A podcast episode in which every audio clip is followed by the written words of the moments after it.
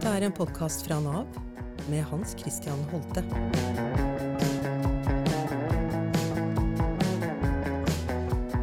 Det er eh, fint å kunne ønske velkommen til en ny sesong med Holtes Halle. Denne høsten så vil jeg ta for meg det jeg syns er et stort paradoks. På den ene siden så skriker norsk arbeidsliv i bransje etter bransje etter flere folk.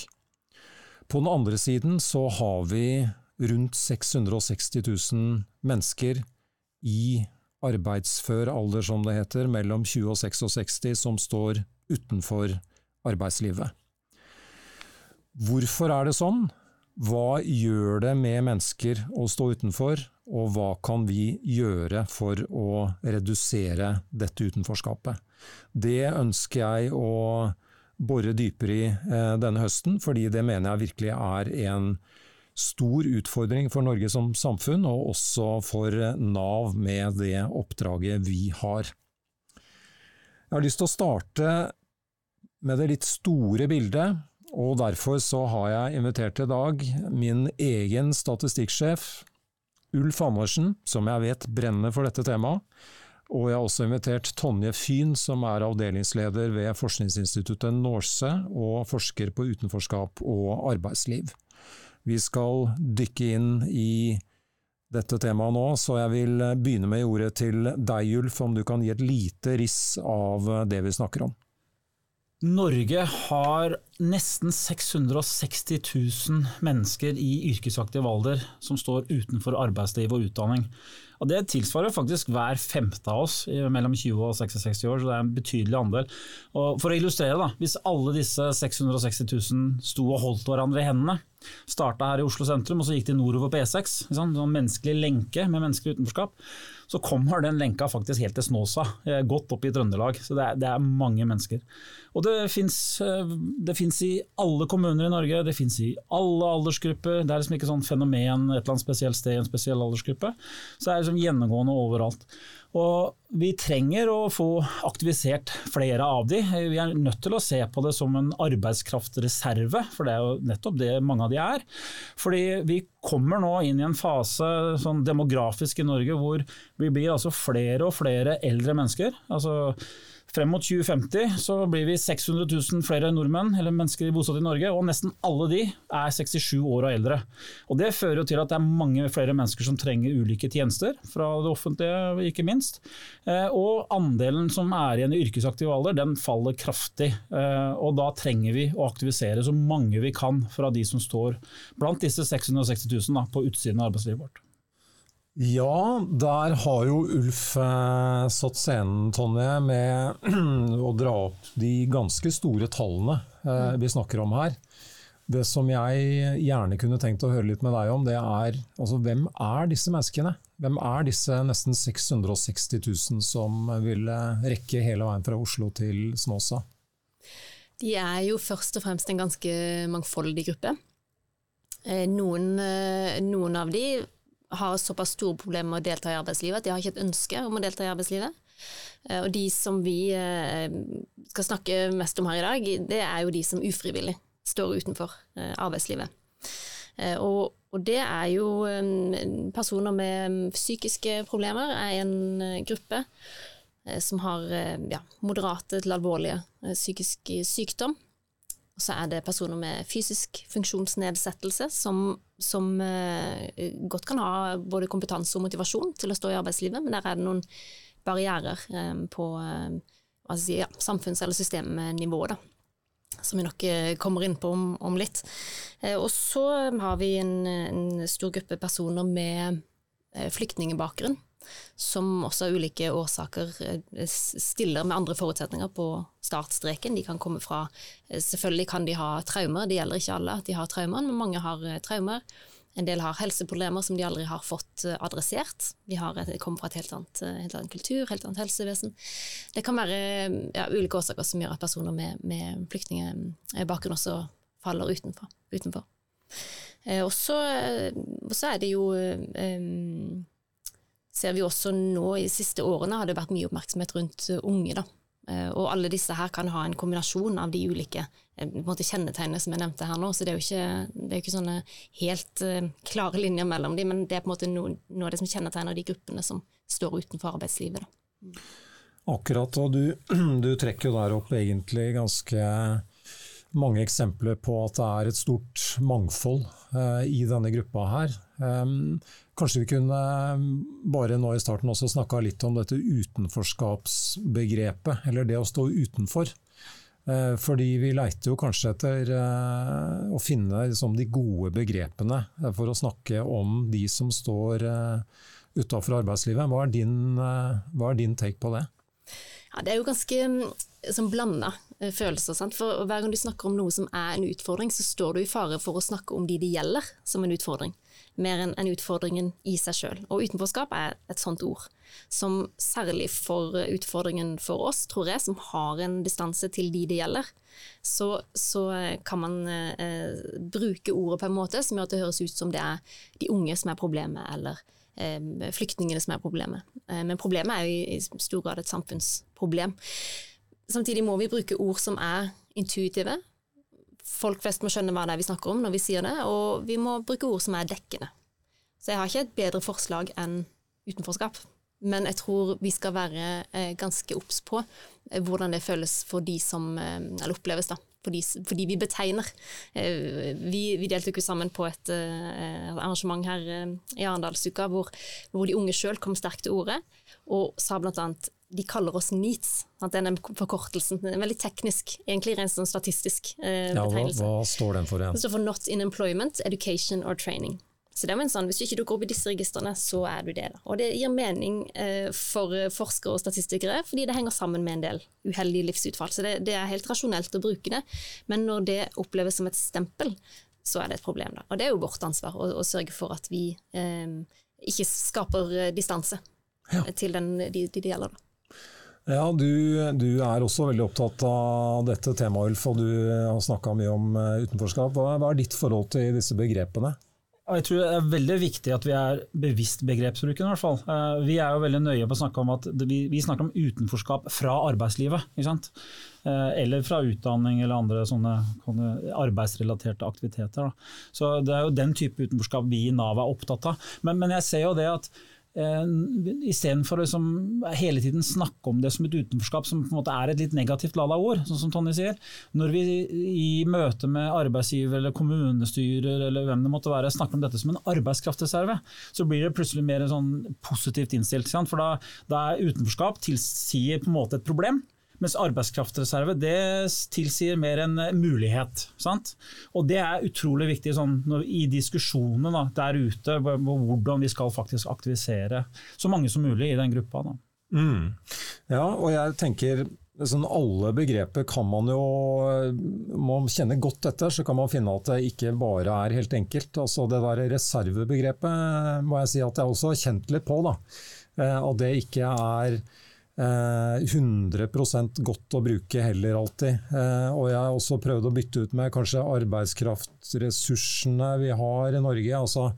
Men, men, eh, det er vel sånn vi ender opp med når vi snakker om eh, brukere hos Nav f.eks., så er det også et begrep som er litt sånn eh, det, får noen, det får noen konnotasjoner etter hvert. Eh, så det er vel kanskje sånn, sånn det er. Eh, og så er vel kanskje den distinksjonen du har, Tonje, om at vi, eh, vi skiller mellom å karakterisere personer, men heller karakteriserer den situasjonen som gjør at de blir stående utenfor arbeidslivet. At det er, er, noe av det viktige. Da. Men du Tonje, du har jo jobbet med litt ulike deler av dette mangfoldet av mennesker som står utafor arbeidslivet. Kan du ikke si litt mer om hvilke grupper du har eh, sett mest på? Mm. Vi, eh, altså mitt første forskningsprosjekt som da unge eh, stipendiat, det, det, var jo et samarbeid mellom eh, dere, Arbeids- og velferdsdirektoratet, og, eh, og helse. Eh, direktoratet, som, som var en eh, såkalt effektoverlevering av, av individuell jobbstøtte, som nå brukes i ganske utstrakt eh, grad. Det er jo en fantastisk historie om hvordan, hvordan Nav har plukka opp noe som ser ut til å virke, og, og, på en måte sprer det ut. Da. Og et, et fantastisk historisk eksempel på samarbeid mellom to, to sektorer. Um, så de, det retter seg mot psykisk syke, moderat eller alvorlig psykisk syke. Det var min inngang til dette. Og jeg skal innrømme at første gangen jeg hørte om det, så tenkte jeg skal vi presse de inn i arbeidslivet, da? Skal ikke de få være i fred og bli friske? Og så ble jeg arrestert av min uh, veileder. Um, for det viser seg at uh, de fleste med psykisk sykdom har et ønske om å være i jobb. Det er klart, Går du inn og har et, har et sykdomsfokus, diagnosefokus, så vil, så vil, man bare se begrensninger. Hvis du spør personen hva er viktig for deg i livet, så vil jobb komme ganske høyt opp på den lista. Fordi det handler om å være deltakende, ha en meningsfull rolle, kjenne at man betyr noe osv. Så, videre. så det, det, var den første på gruppa som jeg ble opptatt av. Og så eh, gjorde vi studier på eh, personer med flyktningbakgrunn. Så har vi gjort noen studier som, som handler om arbeidsgiveres eh, ja, tanker eller vurderinger av personer med fysisk funksjonsnedsettelse. Lest meg litt opp på det. Ikke minst unge som faller utenfor, som har veldig komplekse problemstillinger. Vanskelig å putte det inn i en diagnose. Men felles for de alle er et ønske om å delta å bli regna med og få brukt sine ressurser. Det er en ganske sånn grunnleggende mm, si, næringsstoff for mennesker, da, for å trives og ha det godt. Eh, veldig grunnleggende eh, element i meningsfullhet i livet. Det å, å oppleve betydningsfullhet, mattering kaller de det i, i, forskningen. Det å bety noe for andre. Du vet at andre regner med deg. Og det, og det gjorde at i hvert fall mitt engasjement for arbeidsdeltakelse har bare økt for hver ny gruppe vi har sett på. Vi ser disse fellesnevnerne som handler om at du har et, et individ med ønske om, om deltakelse, og så har du noen eh, barrierer på veien. Og der kommer jo måte, eh, vi inn som jobber med denne tematikken, eh, og prøver å måte, identifisere og løse de barrierene, da, for å på en måte bane veien for deltakelse. Den der tanken du hadde da du begynte å gå inn i dette, om at eh, kanskje de bare skulle få være i, i fred for arbeidslivet, har du på noen som helst måte fått støtte støtte til den tanken i noen situasjoner for noen grupper? Altså Er det noe du kan, hvis du skal se på den siden? Ja, jeg tror jo, jeg tror jo spesielt i um, type psykiske eller psykiatriske tjenester og blant behandlere, så, så, er det jo en tanke om at måte, først skal du bli frisk, og så kan du begynne å tenke på andre ting. Eh, mens, mens eh, nyere forskning har jo et sånt Altså det bekrefter jo dette recovery-fokuset. At, eh, at, livskvalitet handler ikke om å være symptomfri, men det handler om å mestre ønskede roller. Da. Ja. så, så, du trenger ikke gå oss veldig langt uh, i helsevesenet. Du trenger, møter nok litt på det i, i Nav også, at her er det så mange problemer. At vi må løse alle disse problemene før vi kan begynne å snakke om muligheter. Mens kanskje er nøkkelen å begynne å snakke om mulighetene, da. Nettopp. Det er vel ganske tydelig, Ulf, sånn som vi har er i ferd med, tenker jeg, da, å dreie eh, og sørge for at vi jobber eh, systematisk og gjennomgående i Nav. At vi tenker eh, disse eh, place and train og ikke train and place, f.eks. Det er noe av det perspektivet at vi tenker at arbeidsplassen er, er der hvor eh, vi får til eh, inkludering, får til utvikling, får til mestring.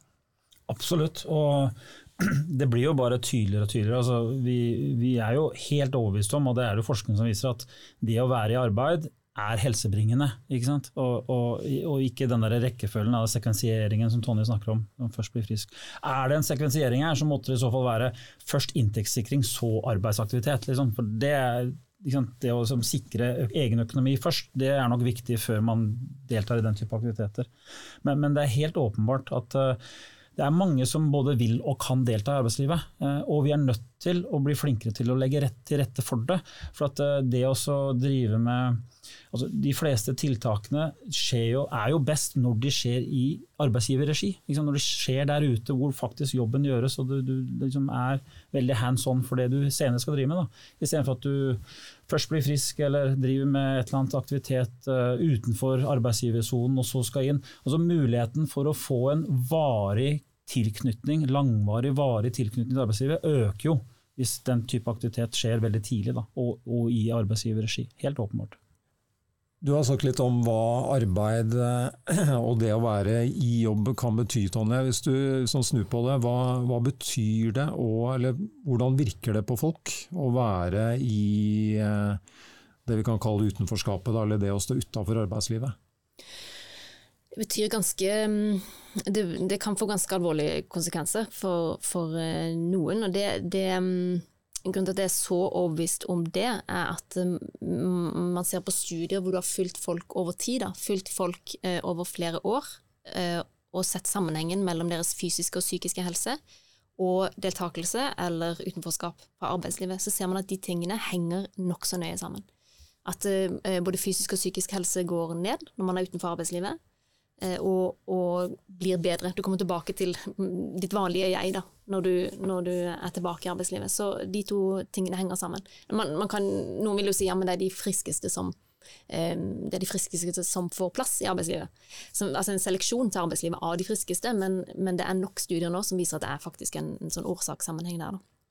Eh, så, så, dårligere psykisk og fysisk helse med oss utenfor risikerer man. Økt alkoholisme, generelt dårligere sånn, det vi kaller helseatferd. Så på en måte atferd som bryter ned helsen over tid.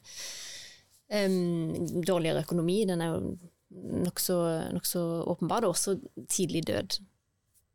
For høyere risiko for tidlig død. Nå ble det en veldig sånn nedadgående, eh, morbid spiral her, men eh, det er det tallene tyder på.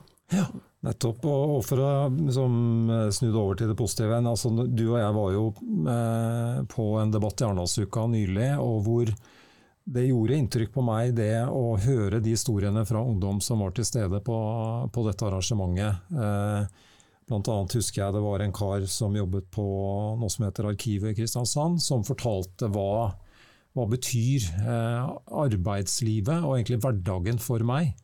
Eh, så, så, eh, det er jo sterke, sterke inntrykk, egentlig, å få høre disse som kommer ut, eh, kanskje etter å ha brukt lang tid da, på å komme ut. Mm, absolutt. Og det er jo de historiene som si, folk som oss, eller folk som si, regner oss om innenfor, da, eller det er jo de historiene der vi trenger litt sånn jevnlig kontakt med, tror jeg, for å holde eh, altså for å unngå den distansen mellom, mellom oss og, og den målgruppen.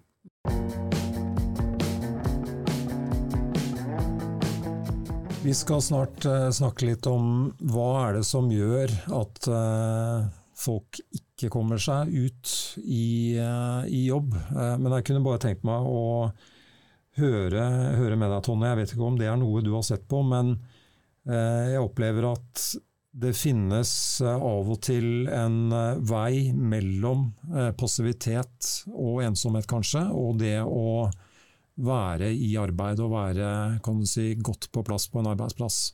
Og den veien kan være, ja, kan være litt lang til tider. Og kanskje er det frivillige organisasjoner, eh, et møtested. altså Det kan være noe på veien som er viktig for å få til den første aktiviteten, den første økningen av trygghet, selvtillit kanskje. Eh, har du noen erfaringer eller noen eh, vurderinger av, av den biten? Altså, jeg tror man eh, trygt kan si at eh, livskvaliteten og mestringen øker med sånne aktiviteter. Det er, um, og, og dette, det er mange som gjerne vil at det skal være en sammenheng mellom arbeidsdeltakelse og, og deltakelse i frivillig aktivitet. Um, den, jeg har ikke greid å se det i noen studier. Vi har ikke gjort noe på det sjøl, jeg har heller ikke greid å finne andre som har funnet en klar link der. Men det er klart eh, at jeg, jeg, tror nok det øker både livskvalitet og, og mestring, og, og sånn sett har en indirekte effekt på veien inn i arbeidslivet. Det, det kan godt være. Jeg har ikke sett noen som greier å påvise det. Nei, men jeg syns det virker åpenbart, da. Eh, liksom at, altså, folk står jo i ulik avstand fra arbeidslivet, for å putte det i sånn tabloid kontekst. Da. Og det er klart For noen så er det, er det en veldig lang avstand. Og, og, bare det å kunne møte opp et sted i et slags sosialt fellesskap, da, i en type veldedig organisasjon eller frivilligheten, eller sånt, bare det er et stort skritt for mange, eller for en del. Og klart Det skrittet må tas først, før man kan helt tatt begynne å snakke om å delta fullt ut i ordinært arbeidsliv. Da. Så jeg tror vi har, vi har, behov for alle den type trinn da, mm. frem mot et arbeidsliv. Eh, og folk starter på ulike steder i den trappa. Og det, det må vi legge til rette for. Ja. Litt tilbake til disse store tallene, Ulf. Fordi eh, når vi snakker om eh, sånn eh, snaut 660 000 mennesker eh, mellom 20 og 66, eh, så vet vi jo ikke eh, hvor mange av disse som kan gå inn i et arbeidsliv i Norge. Men altså vil du driste deg til å spekulere litt rundt, rundt akkurat det? For det, det, gjør vi jo. Eh, både du og jeg egentlig eh, tenker litt høyt om disse tingene. Altså, vi har jo sett da, siden 2019, altså før pandemien, så har vi jo lykkes i Norge å få over 50 000 som da var i utenforskap den gang, sant? ut i arbeid sant, nå. Eh, I hvert fall så har utenforskapet falt med over 50 000. Egentlig har det falt mer, for vi har fått veldig mange nye bosatte ukrainere som står veldig langt fra arbeidslivet, så tallet er egentlig enda bedre. Så, så det betyr jo at eh, det er beviselig sånn at det er mange mennesker som, som er på utsiden av arbeidslivet, som har fått muligheten til å delta inn i arbeidslivet de siste årene. Og Det er jo ingen grunn til å tro at det ikke er flere blant de som står der nå, blant de 660, som også er i samme situasjon. Eh, fordi de vil jobbe, fordi de kan jobbe. Det er ulike, ulike eh, situasjoner for dem. Men hvor mange det er, det er jo umulig å forutsi. Jeg, jeg, jeg, vet ikke. Eh, vi har jo i Norge ganske høy sysselsetting nå, med, med ca. 70% sysselsetting. Eh, og vi har vært litt høyere før. Så det er jo all grunn til å si at eh, ja, men den kan stige, kanskje med et par prosentpoeng til, liksom. Og de to prosentpoengene må tas fra et sted. Og det kan tas delvis fra arbeidssøkerne våre, men arbeidsledigheten er veldig lav, så det er ikke så mange å ta av. For den, den, det vil alltid være en ledighet. Og da må de tas fra det vi kaller for reserven, eller utenforskapet. Og det er det vi har sett. Og, det har jeg ingen grunn til å tro at det ikke skal fortsette også. Så, så det er rom, rom, for flere. Det er absolutt det. Og arbeidsgiverne er flinke til å inkludere de siste par årene, det er ingen tvil om. Nei. Nei, og, og, akkurat nå er det, jo, eh, er det, jo, veldig naturlig å se nærmere på det potensialet. Fordi det er så mange eh, bransjer i Norge, så mange sektorer hvor det er et stort behov for folk. Sånn at jeg merker at det er også veldig mange som kommer og lurer. Eh, ja, eh, hvor mange er det der ute som faktisk kan bidra? Ja da, og det, jo, det, har jo vært rekord i utlyste stillinger i Norge. Altså Arbeidsgiverne eh, har hatt store behov for arbeidskraft. Og så har, da Når ledigheten er så lav, så er det vrient å finne. Det er jo det arbeidsgiverne opplever. Og det er klart, Da har de vært i en situasjon hvor de har måttet rekruttere kanskje fra, fra innbytterbenken, for å si det sånn. Og, og, måttet lære seg å gjøre det, både i hvordan de, de kommuniserer ut i stillingsannonser, men også hvordan de tar imot denne type mennesker med økt uh, opplæringsaktivitet osv. når de kommer inn. Så, så det er på en måte vært litt pukka nødt til å vide ut perspektivet sitt, uh, fordi de ikke ellers ville funnet arbeidskraften de er på jakt etter. Og det har jo bare vært en bra ting. At det har skjedd. Så, så, så lenge arbeidsmarkedet er så stramt nå, så vil det bare gi økt muligheter for at flere som står på utsiden, vil kunne komme inn. Eh, litt mer sånn, Hvis vi skal se litt systematisk på det, hva er det som stopper eh, de folka som står utenfor i å komme i arbeid? Hvis du kan ta en liten, liten runde på det, eh, Tonje? For noen eh, for noen handler det nok om at de er usikre på hvordan um, påvirker dette trygdeutbetalingene, f.eks. Det kan være um, krevende å sette seg inn i, krevende å forstå, du er redd for å gjøre feil, og så, og så kan man være redd for å bli måte, økonomisk straffa for å delta i arbeidslivet. For, for, noen har det vært en lang reise for å få uføretrygd, f.eks. Da vil du være forsiktig med å måte, røre det. Da. Andre har vært ute såpass lenge at de har rett og slett ikke frimodighet til å begynne den reisen. Alle som har vært på et jobbintervju vet at det, der føler du deg ganske uh, å si, eller sårbar, og, og må selge deg sjøl inn. Overbevise en arbeidsgiver. Um, det er det nok mange som har stått utenfor, som ikke har en sånn indre driv til å, til å gjøre. Da. Så, så kan det være at man får råd fra, velmente råd fra nærmeste familie eller en behandler f.eks., som, som rett og slett fraråder en. Man kan ha motivasjon, men man blir fraråda å gjøre det. Og den, den ene eh, kan være ganske viktig. Vi fant i en studie en, en sammenheng, nokså svak, men, men dog en sammenheng eh, mellom det å få støtte fra én person, én viktig person i livet, lege, behandler, mor, bror, eh, og det å komme i jobb, da. Å være i jobb tolv måneder senere. Så det skal ikke nødvendigvis så mye til. Da kan man også tenke ok, hva, da har det sannsynligvis også litt å si hvis du får et råd som går andre veien. Nei, dette syns jeg ikke du skal gjøre, eller nei, gi det to år til, eller ja. Og der, der, vil jo rådet som også kommer fra en veileder hos Nav kunne være ganske viktig, eh, vil jeg tenke. Absolutt. Jeg pleier å dele de tre. Det er mange mennesker som ikke vil være i arbeidslivet. Tonje snakket om det her med skillet mellom frivillig og ufrivillig utenforskap. Men husk, Det er mange som velger å stå i utenforskap og med god grunn. F.eks. For fordi de skal ta seg av små barn eller syke foreldre eller hva vet jeg. Liksom. Og Det må vi jo akseptere. Så det er mange som ikke vil. Eh, og så er det mange som ikke kan. Altså, de har ikke kvalifikasjoner, de har kanskje ikke språkkunnskapen, de har kanskje ikke helsen. Sant? Vi snakket om det, De er ikke friske nok rett og slett å delta. Og så er det til slutt en del som ikke får lov. Det, det mener jeg. Eh, blant annet fordi eksempelvis det er ikke nok lærlingplasser til alle som fullfører yrkesfag. Da, da, da blir du jo stoppet fra å delta i arbeidslivet vårt.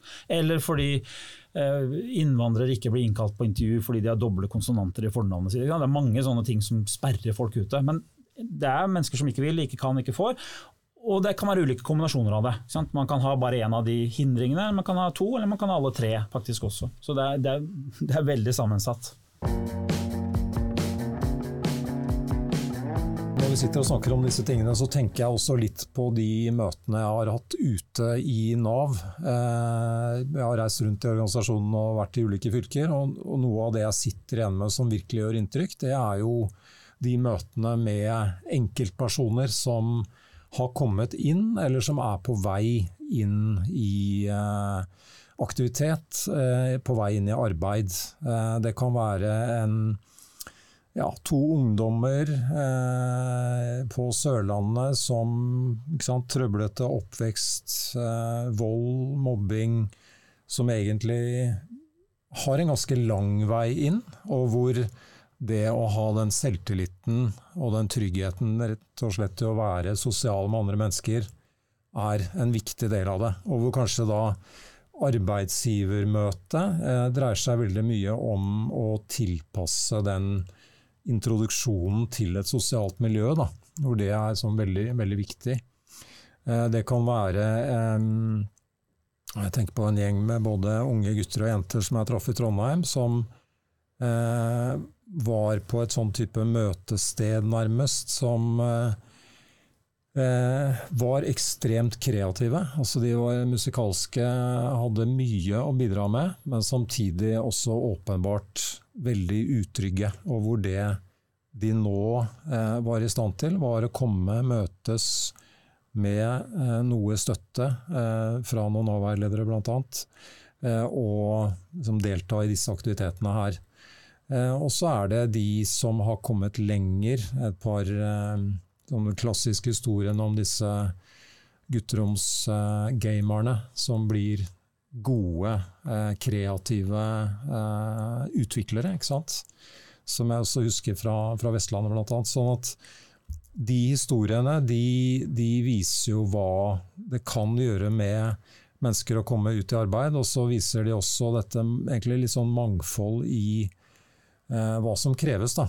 Så nå i dette, denne diskusjonen her i dag, så snakker vi om det store bildet, men allikevel så slår det meg jo at det er de der eh, enkelte vurderingene som, som må gjøres. Eh, du har forska lenge på dette, her, Tonje. Er det allikevel noen sånne råd som du har til hvordan vi skal komme videre. Da. Jeg kommer lenger med dette, som er liksom litt sånn på tvers av det store mangfoldet som vi egentlig snakker om her. Mm. Jeg tror at hvis, hvis, eh, man hadde hatt eh, virkemidler og et eh, system som gjorde at når det kom Nå snakka du om unge, sant? Når det kommer en ung person inn med nokså sånn komplekst problembilde, vanskelig å vite hva er årsaken her, tror egentlig ikke det er en psykisk sykdom, men vi får putte på en diagnose for, for at de skal få disse og disse, denne og denne hjelpen.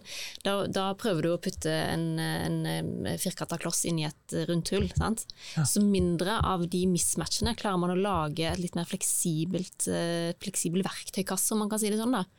Um, som gjør at veilederne litt sånn kan, kan følge skjønn til en viss grad, selvfølgelig innenfor ordna rammer. Jeg forstår at du ikke kan skreddersy absolutt alt, det må være et, med orden i systemet, men, men um, det, det, virker på meg som at det er litt for vanskelig akkurat nå å lage, lage det som egentlig burde vært en nokså intuitiv skreddersøm for den enkelte person. Da.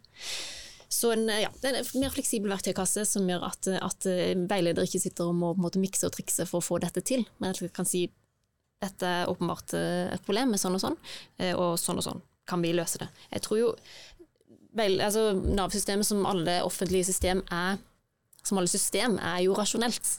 Og det skal være rasjonelt, det skal være orden. Men det møter ikke rasjonelle eh, liv, om man kan si det sånn. Um, og det rommer ikke det, det mangfoldet som finnes da. Og da, da, er man på en måte Det setter noen betingelser, eller det legger til grunn noen antagelser om at denne 19-åringen eh, som trenger hjelp, eller som ikke kommer seg inn der de vil, um, har oversikt over sin historie, greier å definere sjøl, sette ord på hva problemet er, og hva, hva de trenger. Um, treffer en veileder som, som, også greier å stille de riktige spørsmålene, på et Nav-kontor i Flekkefjord klokka ni en tirsdagsmorgen. Det samtalerommet blir for smalt for mange. Så greier man å utvide det, utvide verktøykassa, mer fleksibilitet, så tror jeg man har løst mye. Og, og der, der, eh, er jo en del av det du er inne på der, er jo kanskje også en type slagside. ikke sant? Altså Det er slagsiden mot medikalisering, om du vil, da, eller altså det å vri det inn i et sånn type helsespor hvor det er lett å få følelsen av at du må være Du må kvalifisere ut fra en grad av sykdom eller, eh, eller lignende for å få den der livsgrunnlaget som Ulf snakket om i stad. Altså at du, du trenger som den økonomiske tryggheten, og for å få den økonomiske tryggheten så, så trenger du den diagnosen, f.eks. Um, ehm, ja. Nei, det, det høres forferdelig ut når du sier det på den måten. Um, men jeg tenker, historisk sett da, så har vi jo vi har liksom alltid vært så opptatt av at individet må løfte seg. Liksom, nå opp til arbeidslivets uh, krav. ikke sant? Og Nav er jo veldig innretta mot det ikke sant? i forhold til tiltak og virkemidler. Uh, men også helseaksen. Men, men jeg tror jo det det handler mye om, er jo folk som står på utsiden av arbeidslivet vårt, og som ønsker inn, de må ha tro på at de kan finne en plass der inne. Og Det har jeg ofte mangla, syns jeg, i norsk næringsliv. fordi at Terskelen liksom for å kvalifisere seg til arbeidslivet er jo veldig høy i Norge. Jeg blir jo helt skremt når jeg leser stillingsannonser i dag for hva, hva, man egentlig ber om i en person. Um, ja. Men, men, og det tenker jeg, Da er det to ting det handler om. Det handler om å, at folk må se og tro på at arbeidslivet er villig til å ta det imot. At de senker lista litt og åpner opp og flere må gjøre det enn Petter Stordalen, på en måte. Eh, og det andre er, som Tonje var inne på, liksom det systemiske rundt. At vi i det offentlige og liksom de, de, praktiske tingene eller inntektssikringen legger til rette for at så kan skje. De to tingene syns jeg vi skal fokusere mer på, enn bare å fokusere på individet, som jeg vel personlig syns vi har gjort litt for lenge nå. Det er, eh, Hvis vi forfølger det litt, eh, fordi der har du jo noen ganske tydelige utfordringer til norske arbeidsgivere. og jeg tenker Du tenker vel da både på i privat sektor og for så vidt også i det offentlige, som, som til dels også kan være et litt mer rigid system med sine kvalifikasjonskrav osv. Av grunner, men allikevel, ikke sant? Ja, det er jo ingen tvil om det. Ja. Eh, hvis jeg ansetter en person, så skal jeg jo ta den best kvalifiserte. Og det vil jo typisk være en som kommer rett fra en annen jobb. Da. Men, men hvis vi skal eh, forfølge det litt, at det ligger eh, kanskje de nye 50 000 som har kommet ut av utenforskap og inn i arbeidslivet i Norge, så ligger det eh, arbeidsgivere som har strukket seg lenger allerede. Eh, hva kan vi i Nav gjøre, tenker du Ulf, eh, for at vi skal støtte den utviklinga der? Altså Hva kan vi gjøre sammen med arbeidsgivere i Norge? Jeg tror vi er eh, mye bedre i dag enn vi, vi, var bare for noen år siden. Altså, vi er mye tettere på arbeidsgiverne. Vi, vi, vi, anser jo arbeidsgiverne egentlig for å være vår viktigste partner i dette, og, og, med rette. For det er jo der jobbene er, ikke hos oss. Eh, og vi har jo en rekke virkemidler og ting vi kan bistå med, eh, om det er lønnstilskudd eller mentorordning eller forskjellige ting, som vi kan være med inn.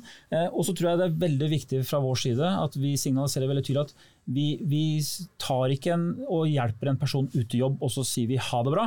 Vi hjelper en person i jobb, og så blir vi med videre i løpet. For å sikre at denne personen får en varig tilknytning. I hvert fall så godt vi kan bistå med det. Sånn at ikke arbeidsgiver blir stående der og liksom lurer på hvor forsvant Nav nå. Liksom. For at de vil trenge hjelp senere også, i løpet av den prosessen.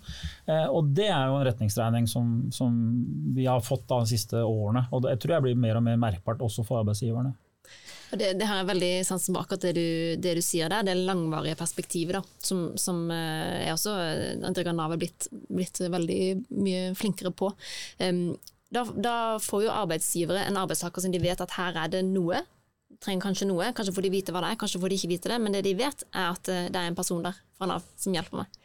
Og, og faktum er jo at uh, enhver leder vil ha personer i sitt kollegium som vil være ute av arbeidslivet i en kortere eller lengre periode med de personene som kommer fra Nav med langvarig oppfølging, så får de da, da, vet de det på en måte fra start, at her er det noe, men her er det også eh, en langvarig støtte på plass. Så det er en, god, en veldig god måte å hjelpe arbeidsgivere i gang. Um, og så er jeg jo også litt sånn opptatt, det er interessant å høre hva dere tenker om det, egentlig. Nå er det ikke jeg som stiller spørsmålene her, men hvis jeg, hvis jeg kan være For det, um, det, er jo litt om hva måte, arbeidsgivere har blitt oppdratt til av Nav, da, tradisjonelt. Eh, som, som, eh, som, kan være at de får eh, en praksisplass. Nå vet at det brukes mindre av det, og, og, og, disse på en måte null forpliktelse for arbeidsgiver og en slags jobb for arbeidstaker. Da oppdrar man jo over tid arbeidsgivere til å, å tenke her er det så stor risiko at Nav går inn og betaler hele lønna. Det er ikke uproblematisk. Og på et sett og vis må arbeidsgivere avlæres litt det og, og endre en tankegang rundt disse arbeidssøkerne. For de må jo tenke på de som ressurser, og ikke en eh, liability, sant? ikke en byrde. Absolutt. Kom igjen, du. Jeg skal bare si, Men samtidig, ikke glem at av alle som står i utenforskap i Norge, så er det bare ca. 10% som er vår, under vår oppfølging. De 90% de aller fleste, har vi egentlig ingen relasjon til. Det kan hende de får en uføretrygd, men, men, de er liksom ikke noe aktiv oppfølging. Så, så, ja, jeg mener jo at vi skal bli flinkere og delta mye mer aktivt sammen med arbeidsgiverne. Men arbeidsgiverne må ikke lene seg på det. For det er de store flertallet som står på utsiden, de har ikke vi oversikt over engang. Sant. Og, og, jeg tenker jo at eh, en sånn type dreining, avlæring, det, det trenger nok vi i Nav til dels. Eh, er, vi lærer her, og, og arbeidsgivere trenger også liksom, å justere eh, blikket litt, men det opplever jeg at de, de gjør, at vi ser faktisk. Så det er, dette er noe som er, er i endring, opplever jeg. Men det er helt riktig, jeg tror det er helt uh, naturlig å, å, følge med på det du sier, Tonje. at her kan det være mønstre som vi trenger å bryte litt, Uh, ut fra de ordningene som vi har hatt og hvordan vi, vi har jobba. Dette har vært et stort tema på forholdsvis kort tid. Nå har vi brukt en drøy halvtime. Jeg har satt stor pris på å ha dere her i studio og både snakke litt om hva det betyr for mennesker eh, å delta i eh, aktivitet i arbeid, og også litt de store de store linjene og de store tallene i dette. Dette er et tema som eh, jeg ønsker å bruke mer tid på utover høsten i, i Holtes Halle. Det har vært utrolig fint å ha dere her som en start på den, den høsten her. Så tusen takk skal dere ha til Tonje og til Ulf. Da har gjestene mine forlatt studio. Ulf Andersen, statistikksjefen i Nav, og Tonje Fyn, forsker på Norse. Og jeg sitter her og tenker at uh, dette var en spennende prat om et stort tema. Uh, noe av det som uh, jeg skal tygge litt på framover, det er bl.a. det Tonje sa om å se på at alt ikke kan puttes inn i en sånn rasjonell boks, men det er noe med å se enkeltmennesket i dette utenforskapet, og hva som skal til eh, for å få folk med eh, i arbeidslivet. Jeg gleder meg til å dykke dypere inn i dette i flere episoder utover. Vi skal snakke med arbeidsgivere, vi skal eh, se spesielt på hva som kreves når ungdom skal komme på rett kurs framover. Og jeg ønsker også å få høre litt mer om de som faktisk står utafor eh, samfunnet vårt i dag, og, og, hvordan de lever sine liv.